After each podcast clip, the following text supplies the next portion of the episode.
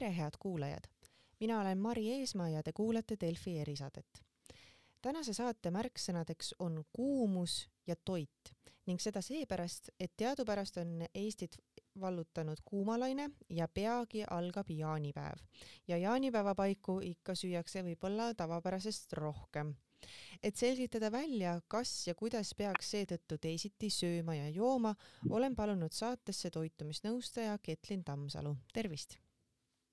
Tervist! no kuum ilm ja jaanipäev, nüüd süüakse liha, juuakse ilmselt õlut ja muidki alkohoolseid jooke. muideks Nõo lihatööstus teatas, et eestlased tarbivad jaaninädalal ligi kaks korda rohkem lihatooteid kui muul ajal kui hea mõte on praeguste kuumade ilmadega kaks korda enam liha pugida? No tõsi ta on, et ilmad on kuumad ja kuuma ilma juurde peaks käima ikkagi ennekõike täitsa tavaline vesi, mitte, mitte lihatooted, et mitte ja see ei tähenda mitte seda, et lihatooteid ei peaks üldse tarbima, aga sellega tuleks olla äh, vägagi mõõdukas ja rõhku tuleks panna pigem ikkagi nendele toitudele, kus on juba loomupäraselt rohkem äh, vett sees, ehk siis puu- ja köögiviljadele. Te ütlesite, et äh, lihatoodetega peab olema vägagi mõõdukas, et äh, mis, mis see siis tähendab koguses? no see on väga keeruline küsimus, sest see sõltub väga palju konkreetsest inimesest ja, ja tema tema nii-öelda pikkusest, kaalust ja, ja, ja kõigest muust, et noh, ütleme niimoodi, et liha tarbimine on eestlaste seas üldse väga populaarne ja, ja jaanipäeval tehakse seda, seda meelsamini või toitutakse äh, lihatoitudest seda meelsamini ja, ja selle tõttu võiks äh, ikkagi tähelepanu pöörata nendele kogustele, et ma ei saa siinkohal nüüd öelda, et kas tohib süüa üks või kaks vorsti sõltub, sõltub inimesest, aga, aga ikkagi niimoodi, et et ei oleks tunda sellist raskustunnet kõhus, see on nagu võib-olla üks selline näitaja, millest võiks lähtuda. No räägime natuke sellest kuuma ilma eripärast, et te juba mainisite, et võib-olla parem oleks süüa selliseid toite, mis sisaldavad äh, rohkem vedelikku, et et mis siis on nagu need asjad, mida võiks äh, liha asemel äh, grilli peale panna? No viimastel aastatel on ju hästi populaarseks muutunud ka kõiksugu äh, grillitud äh, köögiviljad ja miks mitte seda trendi ka, selle trendiga rohkem kaasa minna. nii et suvikõrvitsad, baklažaan, no näiteks paprika, no mis iganes pähe tuleb, et kõike annab grillida ja, ja, ja ja see oleks minu meelest ka päris mõnus vaheldus äh, sellisele raskele lihatoidule jaanipäeva ajal kas näiteks grilllihal on, äh, no ma saan aru, et liha iseenesest on võib-olla keerulisem seedida inimesel kui mõnda köögivilja, aga kas äh, grilllihal see, see soolasus ja marinaad ka kuidagi aitab rohkem seda vedelikku kehast välja viia? Äh, no jaa, ütleme niimoodi, et äh, soolaga tuleb samamoodi olla ettevaatlik, et mitte ainult nüüd äh, jaanipäeva ajal, vaid aastaringselt ikkagi ja, ja üleüldse toitude puhul kehtib see põhimõte, et mida rohkem toiduaineid ühe toidu juurde on lisatud, seda keerulisem teda seedida on, et suvisel ajal täpselt samamoodi. aga noh, mida kuumaga seoses tuleb eriti silmas pidada, on see, et inimest inimestel on äh, suurenenud veevajadus ja tihtipeale jäetakse see tähelepanuta, aga inimese organism vajab kõikideks keemilisteks protsessideks piisavas koguses vett. Ja, ja seetõttu võib olla siis ka jaanipäeva toitude seedimine keerulisem, kui on äh, vee puudujääk organismis tekkinud. Nii et seetõttu, seetõttu tuleb sellele vee tarbimisele kohe erilist tähelepanu pöörata, eriti kuumal ajal aga palaval ilmal inimesed eelistavad ka ähm, gaseeritud jooke juua, et äh, kas gaseeritud vesi iseenesest äh, on hea, millega janu kustutada? noh, kõige parem on ikkagi kõige tavalisem vesi ja, ja nüüd sõltub siis tõesti sellest temperatuurist, et äh, kui on ikkagi väga palav ilm väljas, siis teatavasti inimese organism ka higistab palju ja, ja koos selle higiga väljutab ka mineraalaineid. et, äh, et seetõttu mineraliseeritud vesi oleks küll võib-olla kuuma ilmaga omal kohal, aga see ei tähenda, et ta peab ilmtingimata gaseeritud olema. et äh, kui ei ole nüüd äh, noh, sellist spetsiaalselt mineraliseeritud vett, siis äh, vahel aitab ka see, kui panna natukene näiteks Himalaia soola vee sisse, mis aitab sellist mineraalide tagavara taastada lihtsamini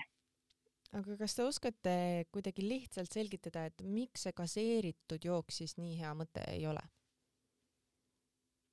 Äh, no äh, see ei ole niivõrd kehaomane jook, äh, kuivõrd just tavaline jook, et sinna on lisatud süsihappegaas sisse ja see ei ole kehale lihtsasti omastatav, et, et tuleks ikka nagu lähtuda sellisest maamehe mõistusest igas eluvaldkonnas, et, et mis on nii-öelda loomulikum, mida loomulikum see toit ja jook on, seda paremini ta organismile mõjub. Aga noh, ilmselt see ei ole saladus, et jaanipäeva paiku ja ilmselt ka tegelikult suvel, kuigi selle järelduse teen ma siit puusalt öeldes, statistikat ma hetkel ei oska välja tuua, aga ju tarbitakse ka rohkem alkohoolseid jooke, et sellise stereotüüpilise grillimise kõrvale ikka võetakse väike õlu ka, et kas uh, -huh. kas alkohoolsed joogid kuumal ilmal, kas neid peaks tingimata siis vältima? no siin on jälle märksõna mõõdukus, et äh, ei saa ju öelda niimoodi, et mitte mingil juhul midagi ei äh, tohi juua, et see sõltub jälle inimesest ja tema harjumusest, harjumustest ja, ja nii edasi, et äh, et äh, ja ka kogusest väga palju, et äh, kui see, kui see lahja alkohol äh, mida tarbitakse, on väikeses koguses ja see on nii-öelda lihtsalt seltskonnajook, siis ma usun, et see kurja ei tee, aga sealt on väga libe tee minna edasi kogustega, mis juba organismile nii palju head ei tee, pigem ikka halba, nii et alkoholiga tuleb olla ettevaatlik, eriti jaanipäeval muidugi, aga aasta ringi ka aga kas see kuum ilm äh, kuidagi eriliselt muudab selle alkoholi tarbimise riskantsemaks? noh, kuidas ma ütlen, et äh, alkohol aitab ka kehast vett välja viia, äh, et selle tõttu sa inimesed peaksid äh, jälgima jälle seda vedeliku tasakaalu, et, äh, et siis kui, kui otsustatakse ikkagi seda alkoholi võtta, siis äh, võiks käia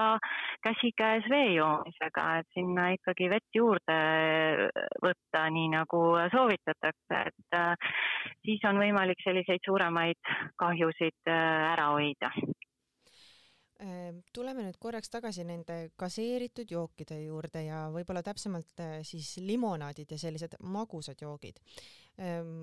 Eesti Toiduainete Tööstuse Liidu juhataja Sirje Potissepp äh, kirjutas, et äh, karastusjookide joomine ei olegi iseenesest kahjulik, aga küsimus on tasakaalus. kas te olete sellega nõus? kas see tähendab, et me võime kõik rahumeeli Coca-Colat ja Sprite'i hakata siin äh, valimatult jooma? Ehm, noh, ütleme niimoodi, et mõõdukus on märksõna absoluutselt igas eluvaldkonnas, et selles osas ma olen nõus äh, Sirje Potissepaga, kuid ähm, äh, kuid kindlasti on kehale, organismile tervislikum juua tavalist vett kui gaseeritud äh, ja magustatud äh, karastusjooki. nii et äh, see on valikute küsimus, et kui oluliseks me oma keha ja organismi peame. et väikene kogus loomulikult mingisugust väga suurt äh, kahju ei tee, aga siin on jälle küsimus selles, kui, kui sageli me seda teeme ja kui suuri koguseid me tarbime. nii et kui see mõõdukus on väike, siis, äh, siis ütleme niimoodi, et äh, jah, tuleb sellega toime, ei ole hullu. Aga kui nüüd ikkagi on läinud nii, et jaanilaupäeval on selle grilllihaga ja ja alkoholiga natukene liialdatud, ehm, siis kuidas peaks välja nägema järgmine päev, kas te, kas peate õigeks mingit paastumist või on, on nagu mingid kindlad toiduained või joogid, mida peaks siis järgmisel päeval taastumiseks tarbima? No arvestama peab jah seda, et kehale tuleb aeg, anda aega seedimisprotsessi läbi, nii-öelda lõpule viimiseks esiteks, et äh, hea oleks, kui ikkagi öö läbi inimene ei sööks äh, eriti raskelt seeditavaid toite, nagu on liha äh, et ta leiaks aega puhkuseks enne järgmist päeva. Ja, ja järgmisel hommikul tasub äh, võtta ette sellised toidud, mis on võimalikult toitainete rikkad ehk vitamiinide ja mineraalainete äh, rikkad ähm, ja, ja lihtsasti seeditavad, nii et, et võib-olla siis äkki järgmisesse hommikusse sobiks mõni vitamiinirikas smuuti hoopis selle asemel, et süüa süüa mingisugust raskemalt seeditavat toitu, kus on jälle lihatooted sees. Et äh, jah, võiks nagu mõelda niimoodi, et mis, mis nagu keha aitab äh, jälle sellesse normaalsesse seisu tagasi viia ja tarbida ikkagi järgmisel hommikul ka aga palun tooge näiteks, millised on sellised äh, raudkindlad äh, toiduained, äh, mis on siis vitamiini ja mineraalirikkad, mida kindlasti võiks siis nii-öelda järgmisel päeval tarbida? No kõik äh, nii-öelda kodus või Eestimaal kasvanud puu- ja köögiviljad ja marjad ka. et äh, see on kõige kindlam retsept ja kui, kui neid kodumaiseid marju, köögivilju võtta ei ole, siis äh, võib võtta ka välismaiseid. et need on ikka paremad kui, kui mitte midagi. nii et äh, ma nüüd ei oskagi või mul ei olegi mõtet välja tuua kõiki üksipulgi siin, et igal, igal toiduainel on omad sellised äh, toitainesisaldused, et mõni on, mõni on rikkam raua poolest, mõni on rikkam C-vitamiini poolest, et äh, mida mitmekesisem see valik on, äh, seda, seda suurema heateo me oma organismile teeme, et lihtsalt püüame siis äh, võimalikult erinevaid puu- ja köögivilju ja marju tarbida ja, ja, ja ma usun, et siis me teeme ainult või liigume ainult õigel teel ja lõpetuseks ma küsiks teie käest, et äh, mis, mida te olete ise planeerinud eesootavaks äh, jaanipäevaks äh, lauale panna? oi kui tore küsimus. no meie pere äh, sööb ka liha äh,, aga meie eelistame kanaliha ehk siis natukene lihtsamini seeditavat äh, liha ja sinna juurde loomulikult teeme väga suure hulga värsket rohelist salatit ja, ja erinevaid äh, smuutidest tehtud äh, jäätiseid äh, lastele. nii et usun, et tuleme toime selle jaanipäeva keerulise olukorraga no siit sai võib-olla küll häid nippe, mida ka jõuab veel jaanilaupäevaks teha. head kuulajad, selline sai tänane Delfi erisaade minuga oli äh, saates toitumisnõustaja Ketlin Tammsalu. aitäh, et kuulasite ja kuulmiseni